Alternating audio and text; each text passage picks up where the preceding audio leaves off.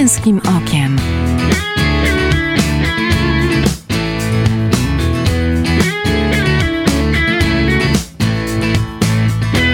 Zapraszam Michał Bondyra.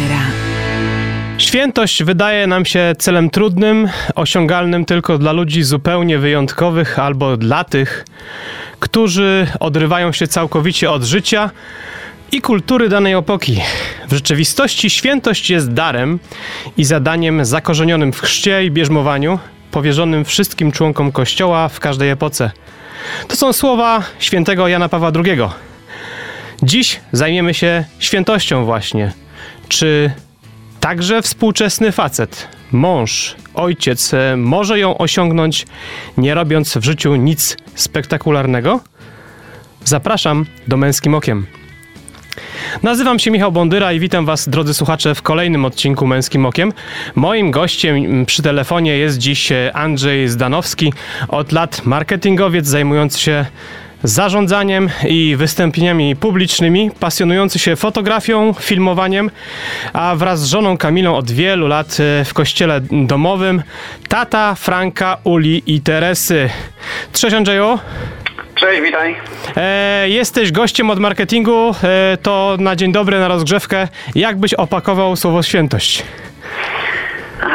Ba, bardzo dobre pytanie. To pytanie tylko jest, e, bym, bym odwrócił, czy świętość trzeba opakowywać, e, bo to cytat, który, który przytoczyłeś e, Jan, Jana Pawła II, no jasno też chyba pokazuje, że, mm, że świętość jest dla wszystkich.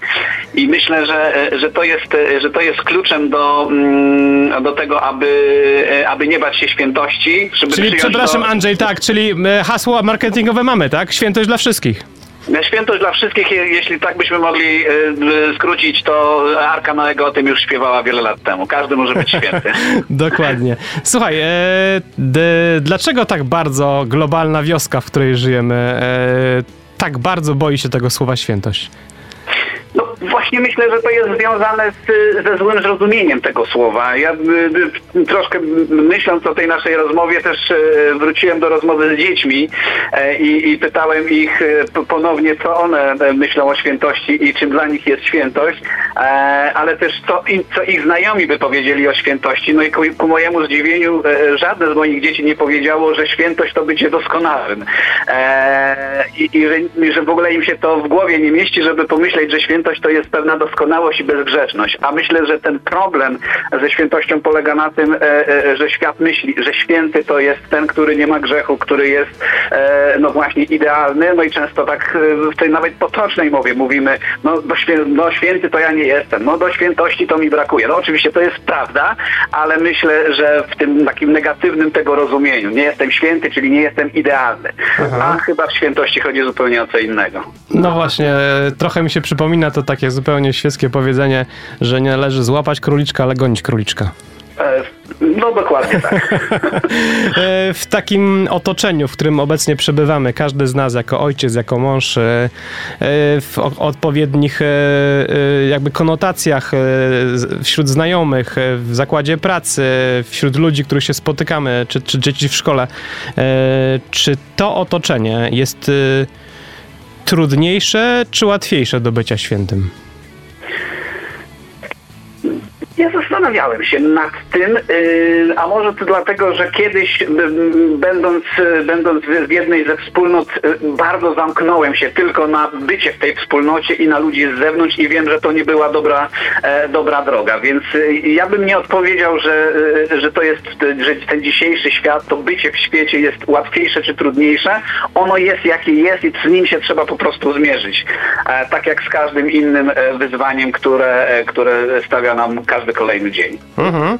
E, mm, rozmawiamy o tej świętości, ale nie zapytałem cię o rzecz najważniejszą. Czym ta świętość e, jest dla ciebie tak e, w praktyce, tak namacalnie?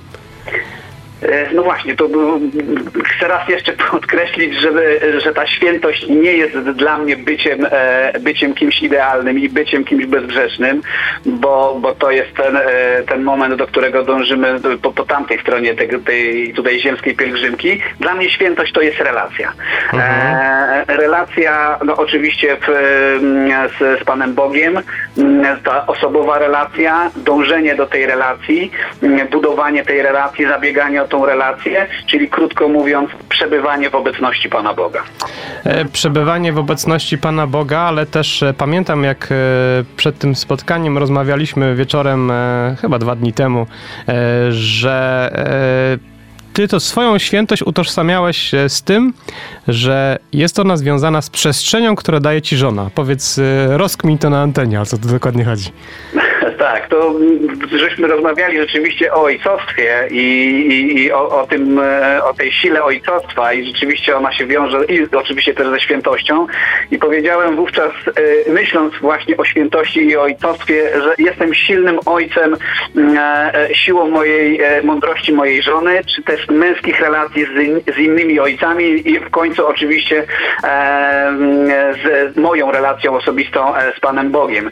I kiedy mówię o, o tej mm, świętości w kontekście, w kontekście relacji z moją żoną, no to ona jest e, jakby tym mm, e, przewodnikiem i pierwszym, e, pierwszą osobą, z którą, z którą tą relację teraz dzisiaj e, buduję. To żona mi daje przestrzeń, mądra żona daje mi przestrzeń do tego, żeby być dobrym ojcem, żeby, żeby być przewodnikiem z kolei dla, dla moich dzieci. E, I, e, i myślę, że wielu, w, wielu, w wielu miejscach tej przestrzeni nie ma. No ja mogę tutaj dziękować Panu Bogu za swoją żonę i, i, i powiedzieć, że w tym, w, tym, w tym aspekcie, oczywiście w wielu innych, ale w tym bardzo istotnym, no, no pełni ona swoją, swoją rolę w sposób idealny. Ale z tego, co mówisz, to, to, to taka przestrzeń dawana przez żonę to wynika chyba z wielkiej dojrzałości e, żony, ale wa, was jako małżeństwa. No, no cóż mogę powiedzieć? Nie, nie, nie, Nie wypada mi się nie zgodzić. Jeśli, jeśli tak mówisz, jeśli tak mówisz, to nie, nie wypada mi się nie zgodzić, ale rzeczywiście to wymaga dojrzałości, bo to wymaga e, często mm, odpuszczenia e, e, swojej racji, e, no właśnie, dania przestrzeni na działanie drugiemu, e, w, mm, w, zamilknięcia czasami, kiedy, kiedy, to, kiedy to jest e, konieczne, no i to oczywiście wszystko wymaga e, dojrzałości. E, To wymaga dojrzałości i mam wrażenie takie, e, też często gdzieś to się przewija temat przy innych tematach naszych ojcowskich, że e, chyba i u nas, i u kobiet takie zrezygnowanie trochę z tego naszego ego. To prawda, to prawda i tutaj, i tutaj w, w, tym, w tym kontekście właśnie, no, no mogę mówić o swojej żonie, jest to, e, jest to można by powiedzieć niemalże heroiczne, dlatego że, e, dlatego, że moja żona Kamila jest bardzo silną osobowością. E, i, i tutaj danie tej przestrzeni w taki, wydaje mi się, naturalny sposób od samego początku naszego małżeństwa e, no jest, jest, jest naprawdę mistrzowskie. Powiedziałeś jedną ważną rzecz, e, którą e, przy tym pytaniu o, przestrz- o przestrzeń, e, którą daje ci żona, e, gdzieś tam w odpowiedzi przemyciłeś. Silne ojcostwo. Utożsamiłeś to ze świętością. Powiedz, czym jest dla ciebie to silne ojcostwo? Silne ojcostwo to jak żeśmy, y, jak odpowiedziałem, że świętość to jest relacja, to ym, dokładnie to samo powiem tutaj, że dla mnie silne ojcostwo to jest silna relacja e, z moimi dziećmi. Ym, co to jest silna relacja z dziećmi? E, to jest relacja, w której mam pełną komunikację, w której, w której mam zaufanie swoich dzieci, e, w której moje dzieci mają właśnie przestrzeń do tego, żeby powiedzieć mi o wszystkim. Mm, to jest e, czas, który z nimi mogę spędzać w bardzo różny sposób. E, I, I myślę, że to jest właśnie e, to, co najważniejsze w, w ojcostwie. I znowu te, te rzeczy, które wymi- wymi- wymieniłem, to nie są jakieś e, e, wysokie góry, to taka po prostu codzienność, wydaje mi się. Mówisz wysokie góry, ale w te góry też e, te, jeździsz z dziećmi i spędzasz czas. No tak, tak. Rz- Rzeczywiście od, od wielu lat mamy taką już tra tradycję, em, my to nazywamy tatusiowe wyjazdy, czyli czyli sami ojcowie, tylko sami ojcowie z dziećmi.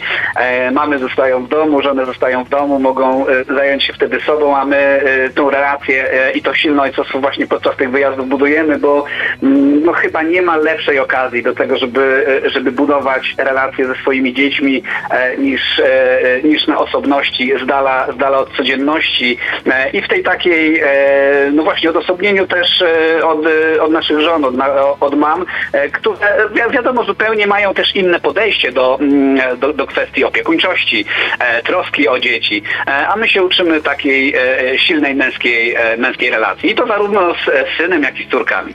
No właśnie, góry temu sprzyjają, bo jest też wysiłek, jest też piękno przyrody, a powiedz, gdzie jeszcze budujecie te wspólne relacje? Znowu, bardzo prozaicznie, my bardzo dużo rozmawiamy z dziećmi. Mhm. Ta, e, w zasadzie też, no, nie wiem, czy to można nazwać tradycja, a bardziej taki e, codzienny habit, e, kiedy, kiedy takie przyzwyczajenie, kiedy spożywamy wspólnie kolację i to jest duża przestrzeń do tego, żeby, żeby poświęcić czas na rozmowę. Nie mamy telewizora już od wielu lat, także w, w domu nie, nie, oglądamy, nie oglądamy telewizji, nie, nie gra, nic nie gra, że tak powiem, podczas tej kolacji. E, I to jest czas, żeby, e, żeby podsumować dzień, żeby, mm, żeby dzieci mogły powiedzieć, e, co się wydarzyło, żebyśmy mogli ich, żebyśmy mogli ich wysłuchać. I to jest, myślę, ta mm, taka znowu bardzo codzienna przestrzeń na to, żeby, żeby tą relację budować. I też myślę, że to też jest jakieś tam charakterystyczne dla naszej rodziny, ale dużo podróżujemy, dużo gdzieś tam wyjeżdżamy na krótsze, dłuższe wyjazdy i ten czas spędzony w samochodzie również jest mm. takim, takim czasem, gdzie mm, dzieci no, w zasadzie mają e, mocno ograniczoną, mocno ograniczony dostęp do wszystkich mediów elektronicznych, do komórki, tableta i tak dalej, i tak. E, I ten czas również spędzamy na, na rozmowie, ale nie tylko, bo też dużo śpiewamy, modlimy się wspólnie i, i właśnie, czyli wykorzystać efektywnie ten czas, który jest nam dany bardziej niż szukać czegoś spektakularnego i, i, i jakiegoś takiego wyjątkowego, chociaż to drugie też jest ważne i to, to są właśnie te nasze tatusiowe wyjazdy. Mhm. E, ja się tak zastanawiam, bo skoro dużo rozmawiacie, to ten temat świętości, wiary, pewnie też czyśćca nieba, piekła pojawił się dość wcześnie u was. Jak, powiedz, jak e, o tym rozmawiałeś? E, czy nie miałeś jakichś oporów przed tą rozmową? No jak to w rezultacie robić? Bo pewnie wielu ojców, którzy są wierzący, ma jakieś zagwozdki, czy to, nie, czy to jest ten czas, czy to jest ten wiek, e, czy gdzieś nie, nie, nie powiem czegoś za ostro, czy nie wykrzywię tego obrazu nie pamiętam kiedy to było. To musiało być tak dawno, że, że już nie pamiętam kiedy to było. Moja najstarsza córka ma 13 lat, więc e, no to musiało być naprawdę, naprawdę dawno. E, ale tak jak wspomniałem e, no przed naszym programem, jeszcze raz rozmawiałem, rozmawiałem z dziećmi i pytałem je, co to jest świętość, żeby się tak upewnić, czy ja rzeczywiście mhm. swoją pracę domową dobrze odrobiłem w tych, w tych poprzednich latach. I, i, i no moja właśnie najstarsza córka powiedziała od razu, no tato, to świętość to jest przebywanie blisko Pana Boga, to jest budowanie relacji z Panem Bogiem, ale ja to dobrze pamiętam, bo to gdzieś jak, jak staliśmy w kolejce w Biedronce, czy w Żabce, czy gdzieś, to nam o tym powiedziałeś. No, przyznam szczerze, że byłem w szoku, bo ja kompletnie tego nie pamiętam, natomiast no, ona zapamiętała, że o świętości rozmawialiśmy e, stojąc w kolejce w jakimś tam markecie. Aha, aha. A, a, a młodsze dzieciaki? Młodsze dzieciaki y, też z nimi rozmawiamy, też z nimi rozmawiamy, no to już nie takie, nie, ta, ta różnica nie jest jakoś tam bardzo duża, bo to jest 11 i i, i 9-10 lat. E, i, I dla nich mm, też świętość e, przede wszystkim nie kojarzy się z byciem doskonałym. E, może nie są one tak precyzyjne w swoich odpowiedziach odnośnie budowania relacji z Panem Bogiem, ale wiedzą, że chodzi o bliskość. Mhm. No to jest chyba ważne, żeby też, bo z, te, z, tego co ty mówisz, to twoje dzieciaki są często o poziom wyżej od dorosłych, którzy nie, zupełnie nie pojmują świętości. No ale to dlatego, że po prostu o tym e, rozmawiamy na co dzień i, i, i nie jest to dla nas e, temat, e, nie, nie, jest to dla nas temat tabu. Pamiętam jak kilka miesięcy temu byliśmy, byliśmy z żoną w kinie na, na filmie Czyściec. Byliśmy pod ogromnym wrażeniem tego, tego filmu. Kiedy wróciliśmy do domu, dzieci nie spały, bo, bo, chciały, bo chciały właśnie posłuchać o tym, o czym był ten film. No i skończyło się to tak naprawdę no, grubo godzinną rozmową, gdzie gdzie, opowiadaliśmy im to wszystko, co tam się w tym filmie działo i były, były bardzo tym zaciekawione. Także no, to, mój, to było kilka miesięcy temu. Mój syn od kilku, od kilku dni, zupełnie nie mam pojęcia skąd mu się to wzięło, mm, zaczął się modlić o cierpienie na ziemi, żeby nie cierpieć w czyśćcu. Bo to był jeden z takich motywów, motywów właśnie mm, z tego, z tego filmu. A opowiadaliśmy o tym kilka miesięcy temu. No powiem ci, że z ust e, kilkulatka brzmi to hardkorowo.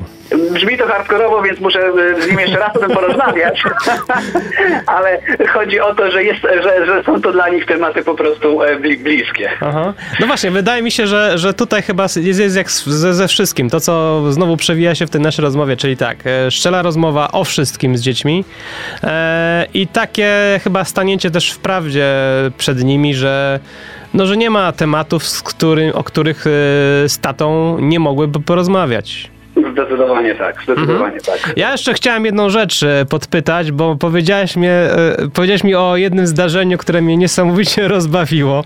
Chciałbym, żebyś to też przytoczył e, naszym słuchaczom, naszym panom, którzy mam nadzieję, że słuchają nas w zaciekawieniu. Myślę właśnie o, o twojej córce Teresce, 13, 13-letniej przypomnijmy, że potrafi mówić o świętości bez ogródek i tu przy, przytoczyłeś mi sytuację pewnego ślubu. E, tak, znaczy my, my żeśmy e, chcieli nauczyć dzieci e, już dawno składać nie chcę tutaj jakoś źle tego powiedzieć, ale dobre życzenia z różnych, z różnych okazji. I Czyli nie, że zdrówko, bo to jest najważniejsze, tak? Dokładnie, nie, że zdrówka, zdrówka, jeszcze raz zdrówka, e, a, a na końcu pieniędzy, bo to jest najważniejsze. E, I, i, no i wpadliśmy na taki pomysł, dobra, to niech y, to, to, to, to nasze życzenia, nasze rodzinne życzenia dla innych, czy też jak wy życzycie, to niech to będzie życzmy ludziom świętości. E, I to było znowu wiele, wiele lat temu. Dzieci mm, tak składają te e, życzenia, czy to wierzącym, czy niewierzącym, e, czy znajomym, czy nieznajomym, bo takim gdzieś to weszło, e, weszło w krew i rzeczywiście miała miejsce taka sytuacja podczas ślubu plenerowego. No, to nie był ślub, nie był ślub kościelny, kiedy moja wtedy chyba dziewięcioletnia córka podchodzi do panny młodej i, i życzy, jej, życzy jej świętości. To oczywiście wywołało salwę takiego pozytywnego e, śmiechu i radości. Mm, natomiast mam, mam wrażenie, że to było bardzo dobrze odebrane. Mhm. I, i, I spotkało się tak naprawdę w sercu tej osoby z, z, z dużym przyjęciem, mimo że jest osobą, że jest osobą niewierząca. Mimo, że jest osobą niewierzącą, przyjęła to jako życzenie czegoś naprawdę dobrego. No właśnie, bo, bo to też jest ważne. My mówimy z, z perspektywy osób wierzących, E, w drugiej części pojawi się zresztą ksiądz e, profesor dogmatyk i też będzie mówić z perspektywy wierzących. No ale powiedzmy sobie szczerze, że dla niewierzących świętość może być po prostu synonimem dobra. Tak, myślę, że myślę, że masz rację, natomiast ja bym się y, tutaj upierał przy tym, że ona będzie synonimem doskonałości, pewnej doskonał- y, doskonałości w rozumieniu tego świata, doskonałości, czyli idea, bycia ideałem, jakkolwiek każdy go rozumie. No to na koniec y, życzmy sobie nawzajem chyba świętości nasz, sobie i naszym rodzinom. Zdecydowanie i wszystkim naszym słuchaczom. Dzięki pięknie za tą rozmowę. Dzięki wielkie. Moim gościem był dziś e, Andrzej Zdanowski, marketingowiec zajmujący się zarządzaniem i wystąpieniami publicznymi. Mąż Kamili, tata Franka, Uli i Teresy. Teraz kilka chwil z muzyką, a po utworze The Crisis e, Ennio Morricone gościem będzie ksiądz doktor habilitowany Tomasz Nawracała, dogmatyk, profesor Wydziału Teologicznego UM, autor e, szeregu publikacji, w tym tej ostatniej Uwolnieni z czyśćca, autor bloga Myśli Nieuczesane. Zostańcie z nami. Męskim Okiem.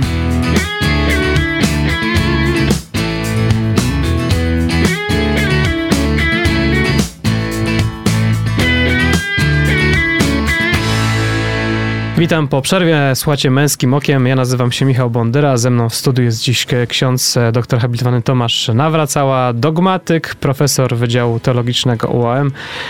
Autor szeregu publikacji, w tym tej ostatniej Uwolnieni z czyśćca, autor bloga Myśli Nieuczesane, pasjonat sztuki, zwłaszcza gotyku, a także oper. Szczęść Boże, księże profesorze. Szczęść Boże. Zadanie domowe dobrze odrobione. Plus dla mnie, dla mnie na, na dzień dobry. Zobaczymy, jak będzie dalej. e, za kilka dni mamy uroczystość wszystkich świętych, potem wspomnienie wszystkich wiernych zmarłych. I tak mi się drodzy nasuwa, dlaczego w tym kontekście tak bardzo boimy się śmierci? E, czy to jest jakiś e, lęk przed nieznanym?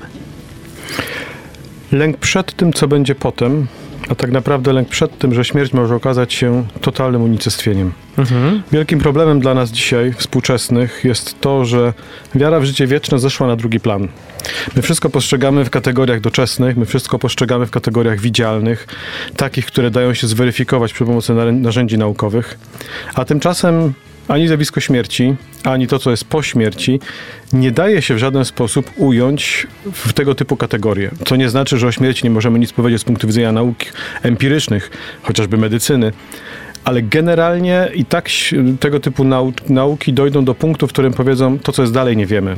My możemy tylko określać pewne zjawiska, które pojawiają się w chwili, kiedy mówimy, że ktoś umiera, ale co jest dalej, tego nie potrafimy powiedzieć. Możemy tylko gdybać, możemy tylko przypuszczać, możemy podawać rozmaite koncepcje, ale żadna z nich dla nas z punktu widzenia nauk empirycznych jest nie do zweryfikowania. I myślę, że to jest wielki powód, dla którego przed, współcześnie przed śmiercią uciekamy zakrywamy e, jak gdyby oczy na tę śmierć, ponieważ próbujemy się od niej odseparować, chociażby w taki sposób, że upiększamy swoje własne życie, próbujemy korzystać, próbujemy gdzieś swoje własne ciało tak udoskonalać, żeby o tej śmierci nie myśleć, żeby jak najbardziej odsuwać ją w czasie, żeby mówić, mnie to na pewno nie dotknie.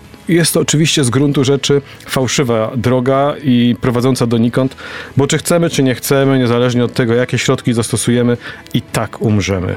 Mhm. E, przywołałem te dwa najważniejsze dni e, dla nas e, katolików, dla nas chrześcijan e, w listopadzie, na początku listopada. E, w nie sposób e, patrząc na te dni, nie zapytać o świętość, bo to są dni związane ze świętością.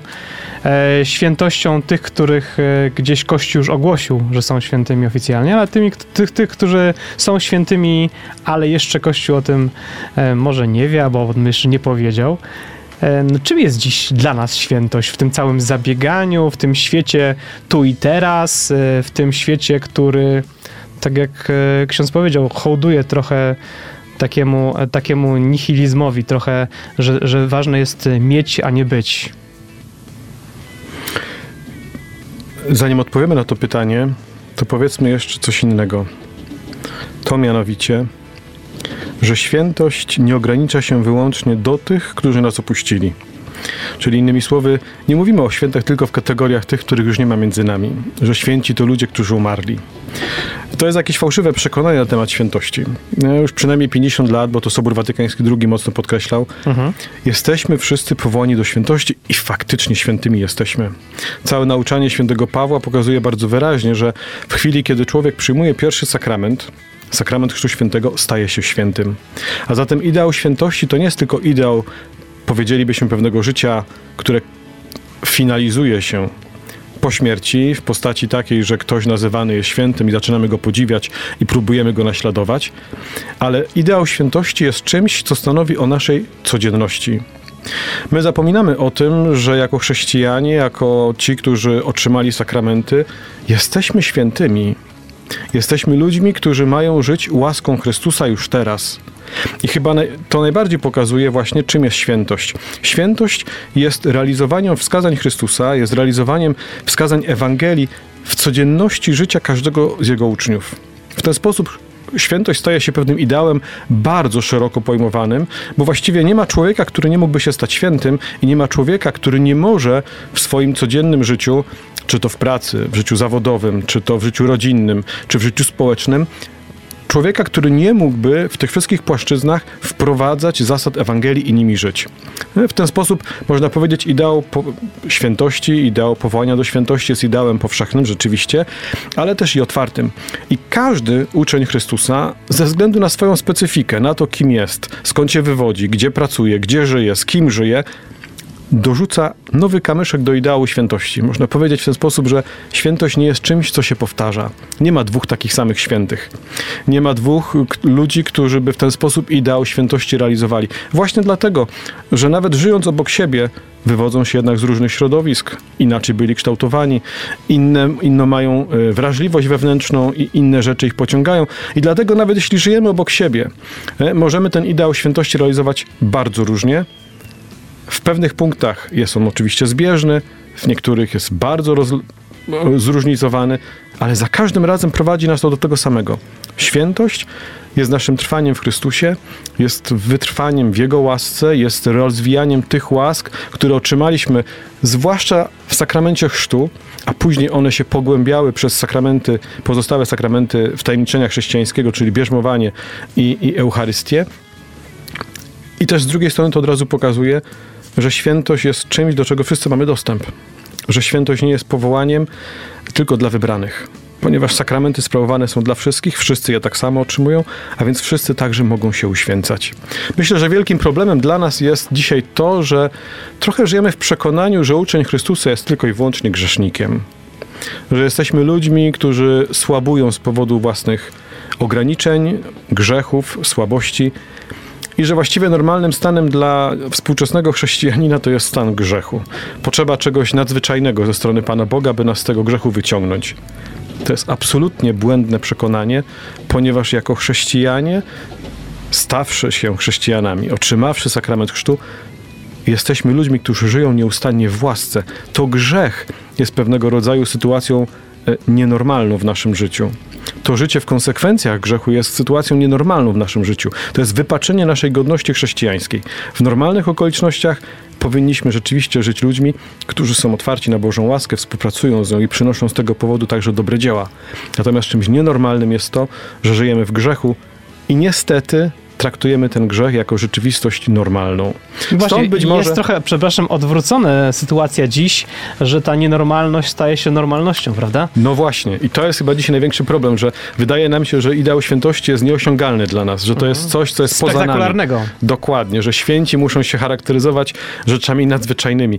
A tymczasem większość świętych nie robiła nic nadzwyczajnego, tylko realizowała to, co wynikało z ich stanu, z ich powołania, z ich miejsca życia i to wystarczało. I w tym wszystkim odnajdywali Pana Boga, bo byli mu właśnie wierni. Mhm to uświęcać się mogą też tak pewnie słuchacze e, nasi, czyli, czyli, czyli e, panowie, którzy są ojcami i mężami, w tym swoim, w tej swojej codzienności też się w jakiś sposób uświęcają, prawda? Nie tylko w jakiś sposób, ale na pewno się uświęcają.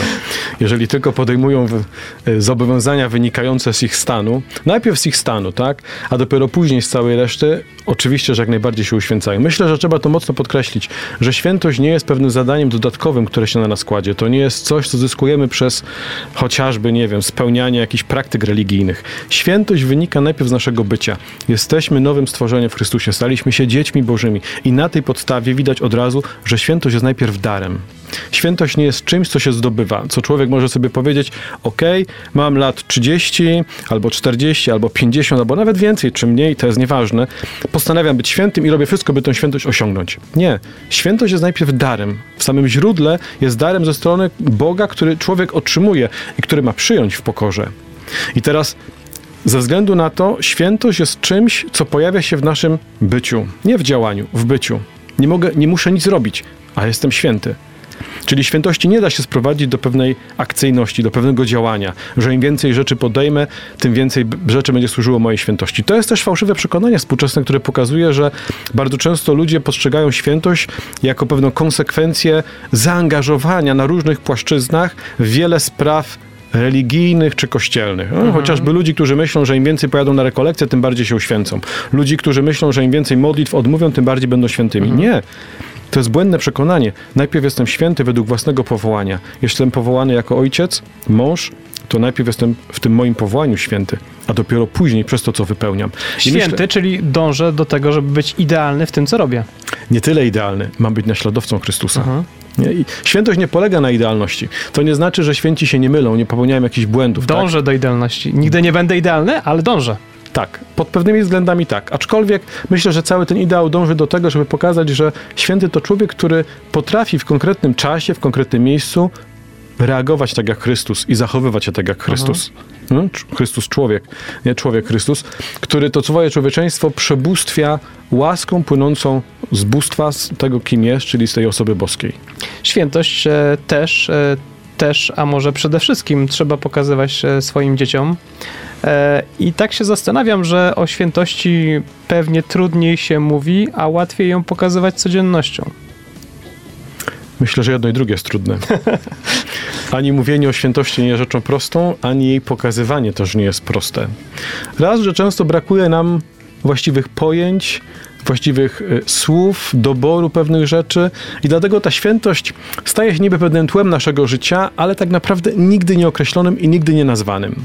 Z kolei, kiedy myślimy o naszym działaniu, to łatwiej jest nam wskazywać na własne błędy, że tak nie powinniśmy robić, niż mówić, co należy robić.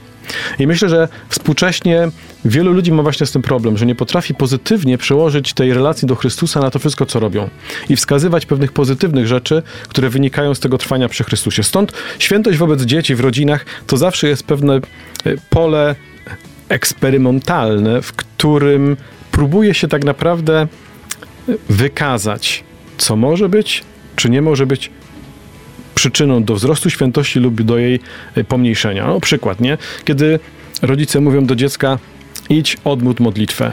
No, można powiedzieć, wspaniała zachęta. Rodzice pamiętają, że dziecko ma się pomodlić. Ale czemu razem z nim nie idą się modlić? Kiedy rodzice mówią, idź w niedzielę na mszę świętą, no, wspaniała rzecz. Przypominają o tym, co najbardziej charakterystyczne i najbardziej właściwe dla chrześcijan. Ale czemu sami nie idą? Kiedy przypominają o pierwszym piątku miesiąca, zwłaszcza u dzieci zaraz po pierwszej komunii świętej, nie? rodzice potrafią przywieźć dziecko do spowiedzi, zachęcić, stanąć nawet z, nimi w, z nim w kolejce do konfesjonału. Dziecko idzie do spowiedzi, ale rodzic stoi obok. Kiedy ostatnio był u spowiedzi? Myślę, że to jest właśnie pokazanie, że świętość nie jest tylko dla wybranych dla tych małych, że świętość realizuje się na każdym etapie naszego życia, choć inaczej. Inaczej uświęca się dziecko, inaczej uświęca się e, dorosły, inaczej uświęca się człowiek, który żyje w samotności, inaczej uświęca się ktoś, kto żyje w związku małżeńskim. Więc w ten sposób można powiedzieć, ta świętość, choć powinna być takim tłem naszego działania, powinna też wyrażać się w konkretnych czynach i te czyny na pewno przemawiają. Jeśli mamy rodzinę, która się modli, taki modlący ojciec, modlący się ojciec we wspólnocie z rodziną, czy matka, rzeczywiście pokazują, że modlitwa ma też wartość i nie skupia się tylko, czy nie ogranicza się tylko do czasu, kiedy jestem dzieckiem, ale przekłada się na także pozostałą resztę życia. Przede wszystkim e, to jest to świadectwo, o, o czym mówi ksiądz. E, i to jest to kompatybilność między tym, co się mówi, a tym, co się robi. Dokładnie. I, i jeśli człowiek coś mówi, tak jak przed chwilą e, ksiądz profesor dał kilka przykładów, a nie robi tego sam, to jest niewiarygodne w tym, co mówi. Niestety. Niestety ta. I to pokazuje także dzisiejszy świat, że próby wychowania chrześcijańskiego często niestety okazują się.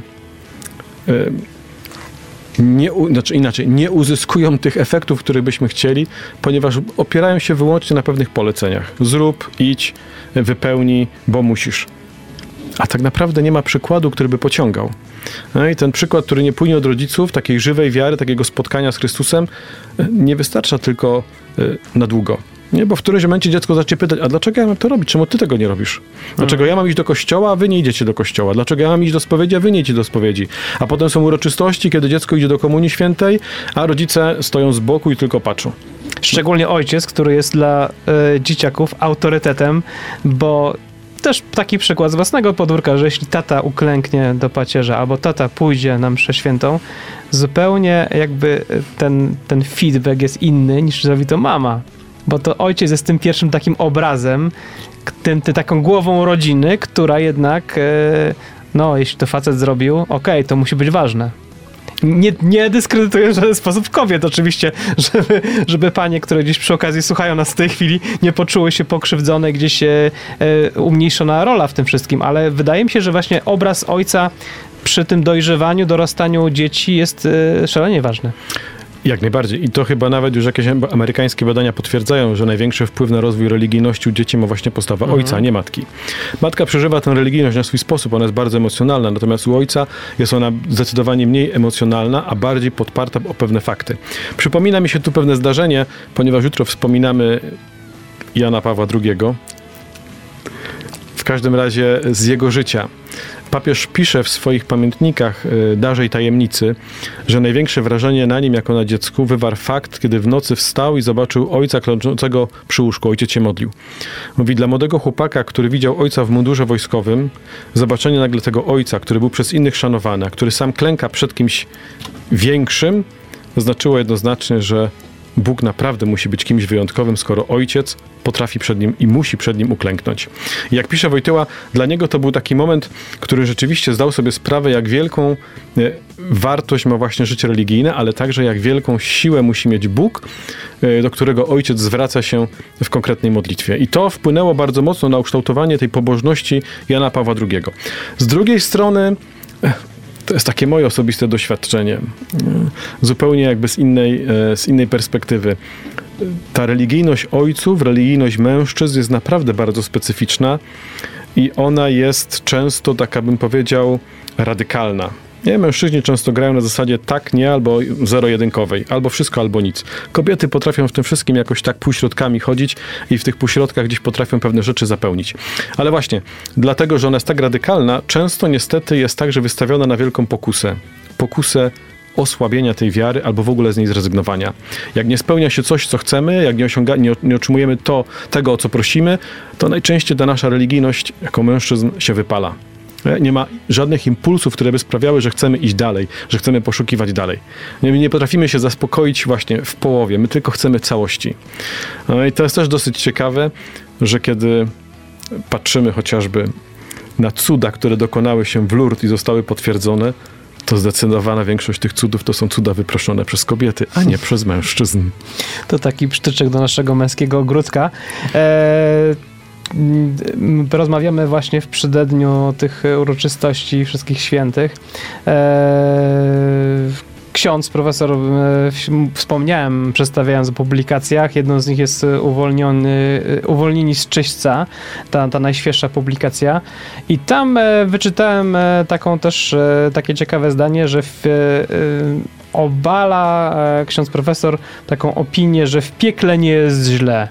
A ta opinia naprawdę gdzieś często towarzyszy, że to takie trochę trywializowanie, takie tam piekło, e, e, ten, ten, ten, ten diabeł to taki tam e, śmieszny gość z tym ogonkiem, z takimi rogami, jest kociołek, jest smoła, trochę ciepło i takie trywializowanie, takie ośmieszanie wręcz tego miejsca, e, ma miejsce i to w popkulturze, ale w ogóle mam wrażenie, że w naszym całym życiu E, właśnie, jak to jest z tym piekłem? Czy to, czy to rzeczywiście to, jest, to nie jest stan fizyczny, prawda? To jest stan ducha.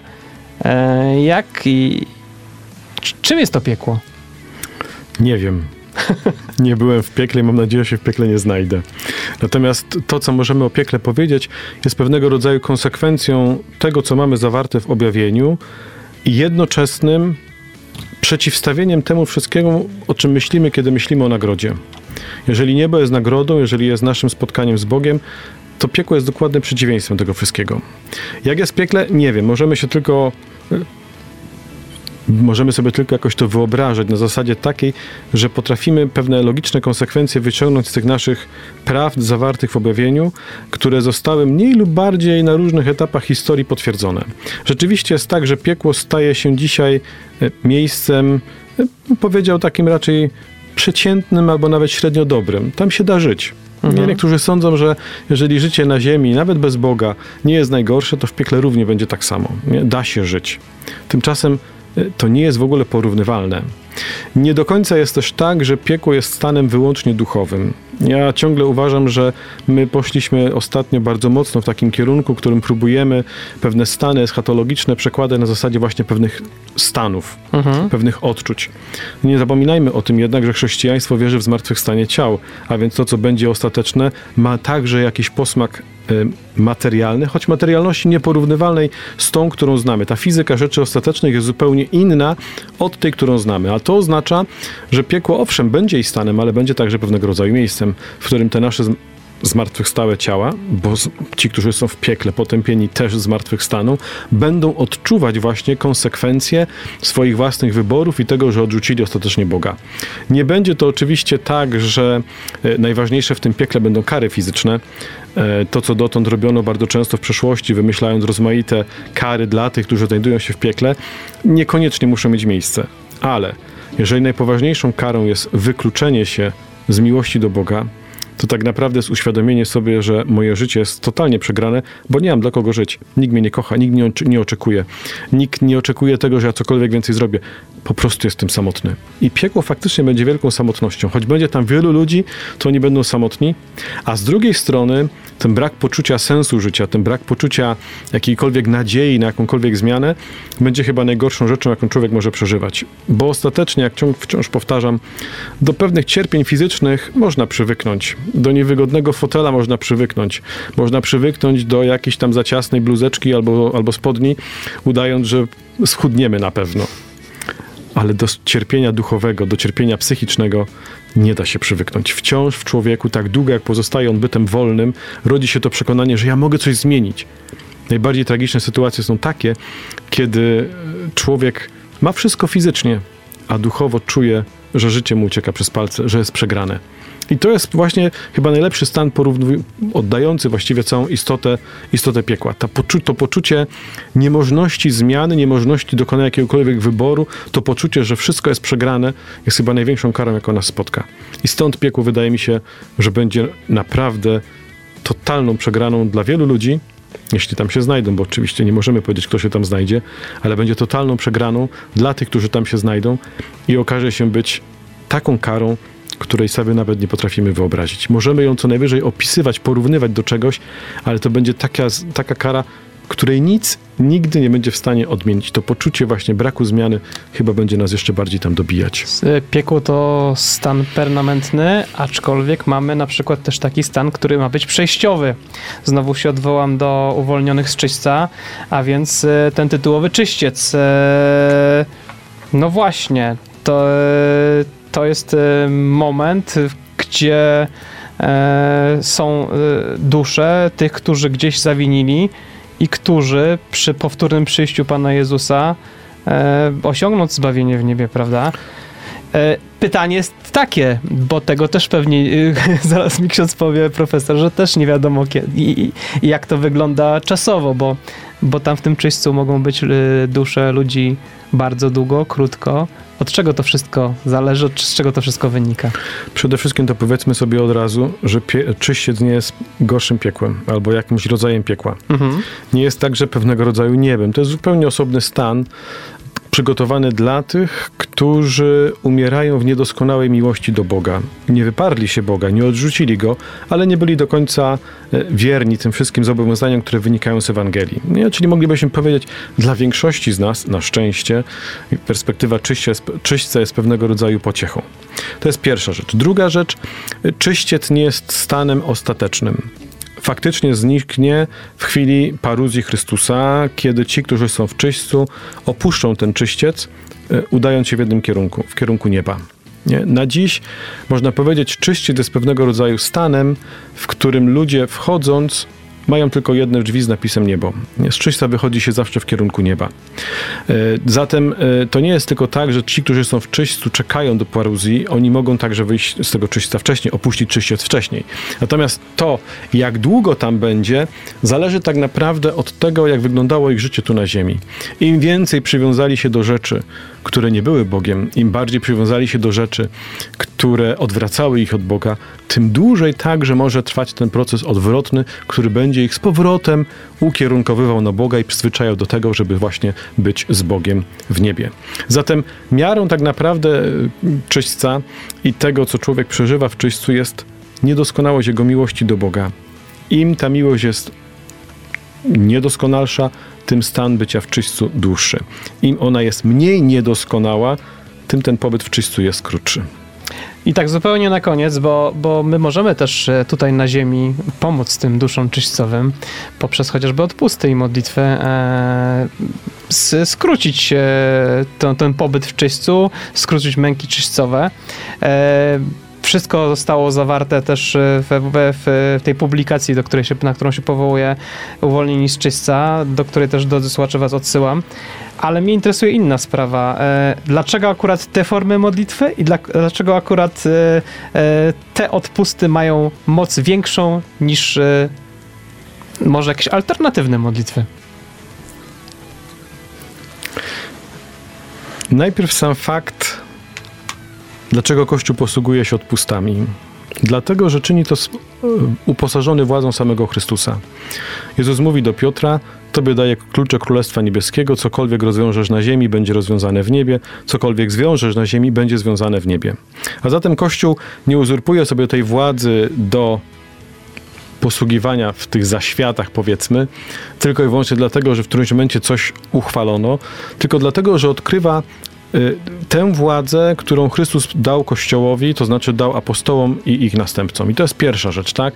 Że całe mówienie o czyśćcu nie jest tylko sprawą wyłącznie pewnej nomenklatury czy prawa kościelnego ustanowionego przez ludzi, ale wynika przede wszystkim z tej władzy, którą Chrystus zdaje swoim uczniom, apostołom i ich następcom, jako pewien dar, który ma służyć tym, którzy nie zawsze te łaski płynące z jego sakramentów potrafią wykorzystać. I to jest pierwsza rzecz, tak? Y, modlitwy, które Kościół ustanawia, ma do tego prawo. Wybiera takie, a nie inne modlitwy, ponieważ ma do tego prawo i tylko wobec niektórych przywiązuje łas łaskę dodatkową w postaci możliwości uwalniania ludzi zmarłych właśnie z tych wszystkich kar czyśćcowych. Ma do tego prawo. Dlaczego takie, a nie inne? Tego nie wiemy. Często właśnie wpływały to na to jakieś, jakieś w zależności tradycji, jakieś wydarzenia, ale tak naprawdę trzeba pamiętać o tym, że właściwie te łaski odpustowe wiążą się przede wszystkim z tym, co jest podstawowe, tak? To znaczy łączą się z tym życiem chrześcijańskim. Nie? Żeby pomóc komuś, nie trzeba tylko myśleć o odpuście. Wystarczy korzystać chociażby ze mszy świętej i zamawiać i ofiarowywać w intencji zmarłych msze święte. Nie? Odpusty dane są po to, żeby tę naszą niewiadomą, tę naszą nadzieję, która być może w takiej sytuacji, kiedy zamawiamy za, za kogoś mszę świętą i nie potrafimy sobie tak naprawdę sami siebie przekonać o tym, że komuś pomogliśmy, Kościół pozwala pójść krok dalej i mieć większą nadzieję, że spełniając jakieś warunki opisane przez Kościół według prawa, spełniając pomagamy komuś bardziej, pomagamy komuś skuteczniej. Pamiętajmy o tym, że nie ma zmarłych, za których Kościół by się nie modlił, nie ma zmarłych, za których by codziennie jakieś zgromadzenia zakonne, czy ludzie nawet świeccy nie ofiarowali właśnie odpustów.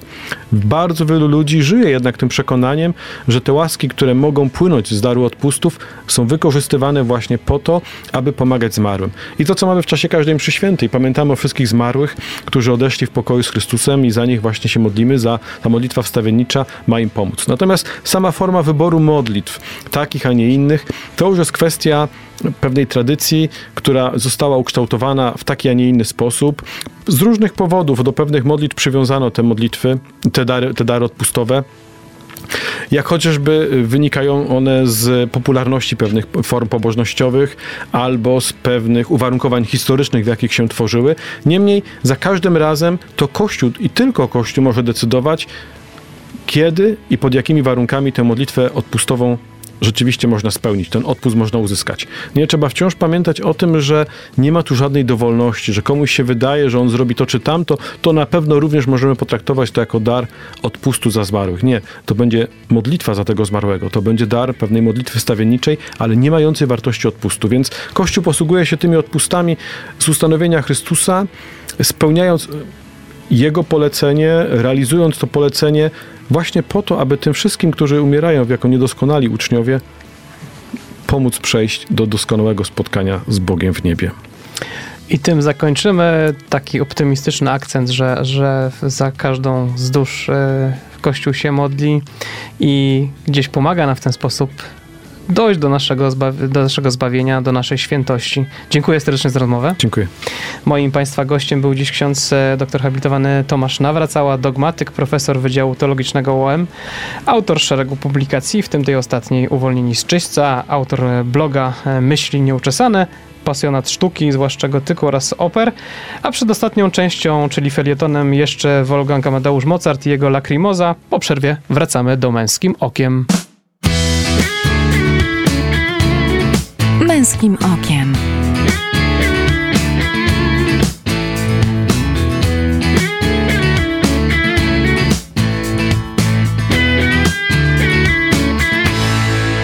Witam po przerwie w Męskim Okiem, zapraszam na felieton.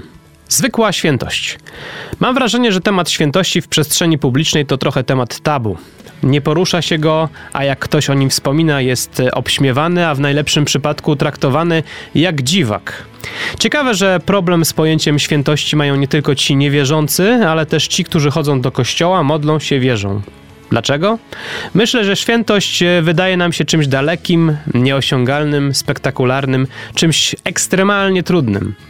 Jak wszystko, co naprawdę wartościowe, wymaga ona dużej pracy włożonej każdego dnia. Ale jak przekonywali dziś moi rozmówcy, wcale nie trzeba robić spektakularnych rzeczy, żeby iść drogą świętości. Wystarczy w tym, co się robi, być dobrym, kierując się zasadami Ewangelii. Zresztą, obie te sprawy w sposób naturalny idą w parze. Bo nasze dobro dawane innym prowadzi do świętości. Zresztą patrząc na tych, którzy już oficjalnie według Kościoła pisanego z wielkiej litery, bo mówię o wspólnocie wierzących, osiągnęli już świętość, widzimy, że wcale nie byli kryształowi, wcale nie byli pozbawieni wad, ba, czasem przed nawróceniem robili wręcz ekstremalnie złe rzeczy. Co z tego wynika dla nas wszystkich? Po pierwsze, to, że na nawrócenie do bycia dobrym nigdy nie jest za późno, a po drugie, że jest to proces, który trzeba przeprowadzać każdego dnia. Wtedy uświadomimy sobie, że jak pisała amerykańska felietonistka Regina Brett, świętość nie jest przywilejem nielicznych, lecz powołaniem wielu. Dodałbym, że każdego. Warto podjąć trud e, nie tylko dla siebie, ale przede wszystkim dla naszej żony, naszych dzieciaków, dla rodziny. Powodzenia! Za dzisiejszy odcinek Męskim Okiem dziękuję realizujący program Eryk Kotys i mówiący do Was te słowa Michał Bondyra. W Męskim Okiem słyszymy się za dwa tygodnie. Męskim Okiem.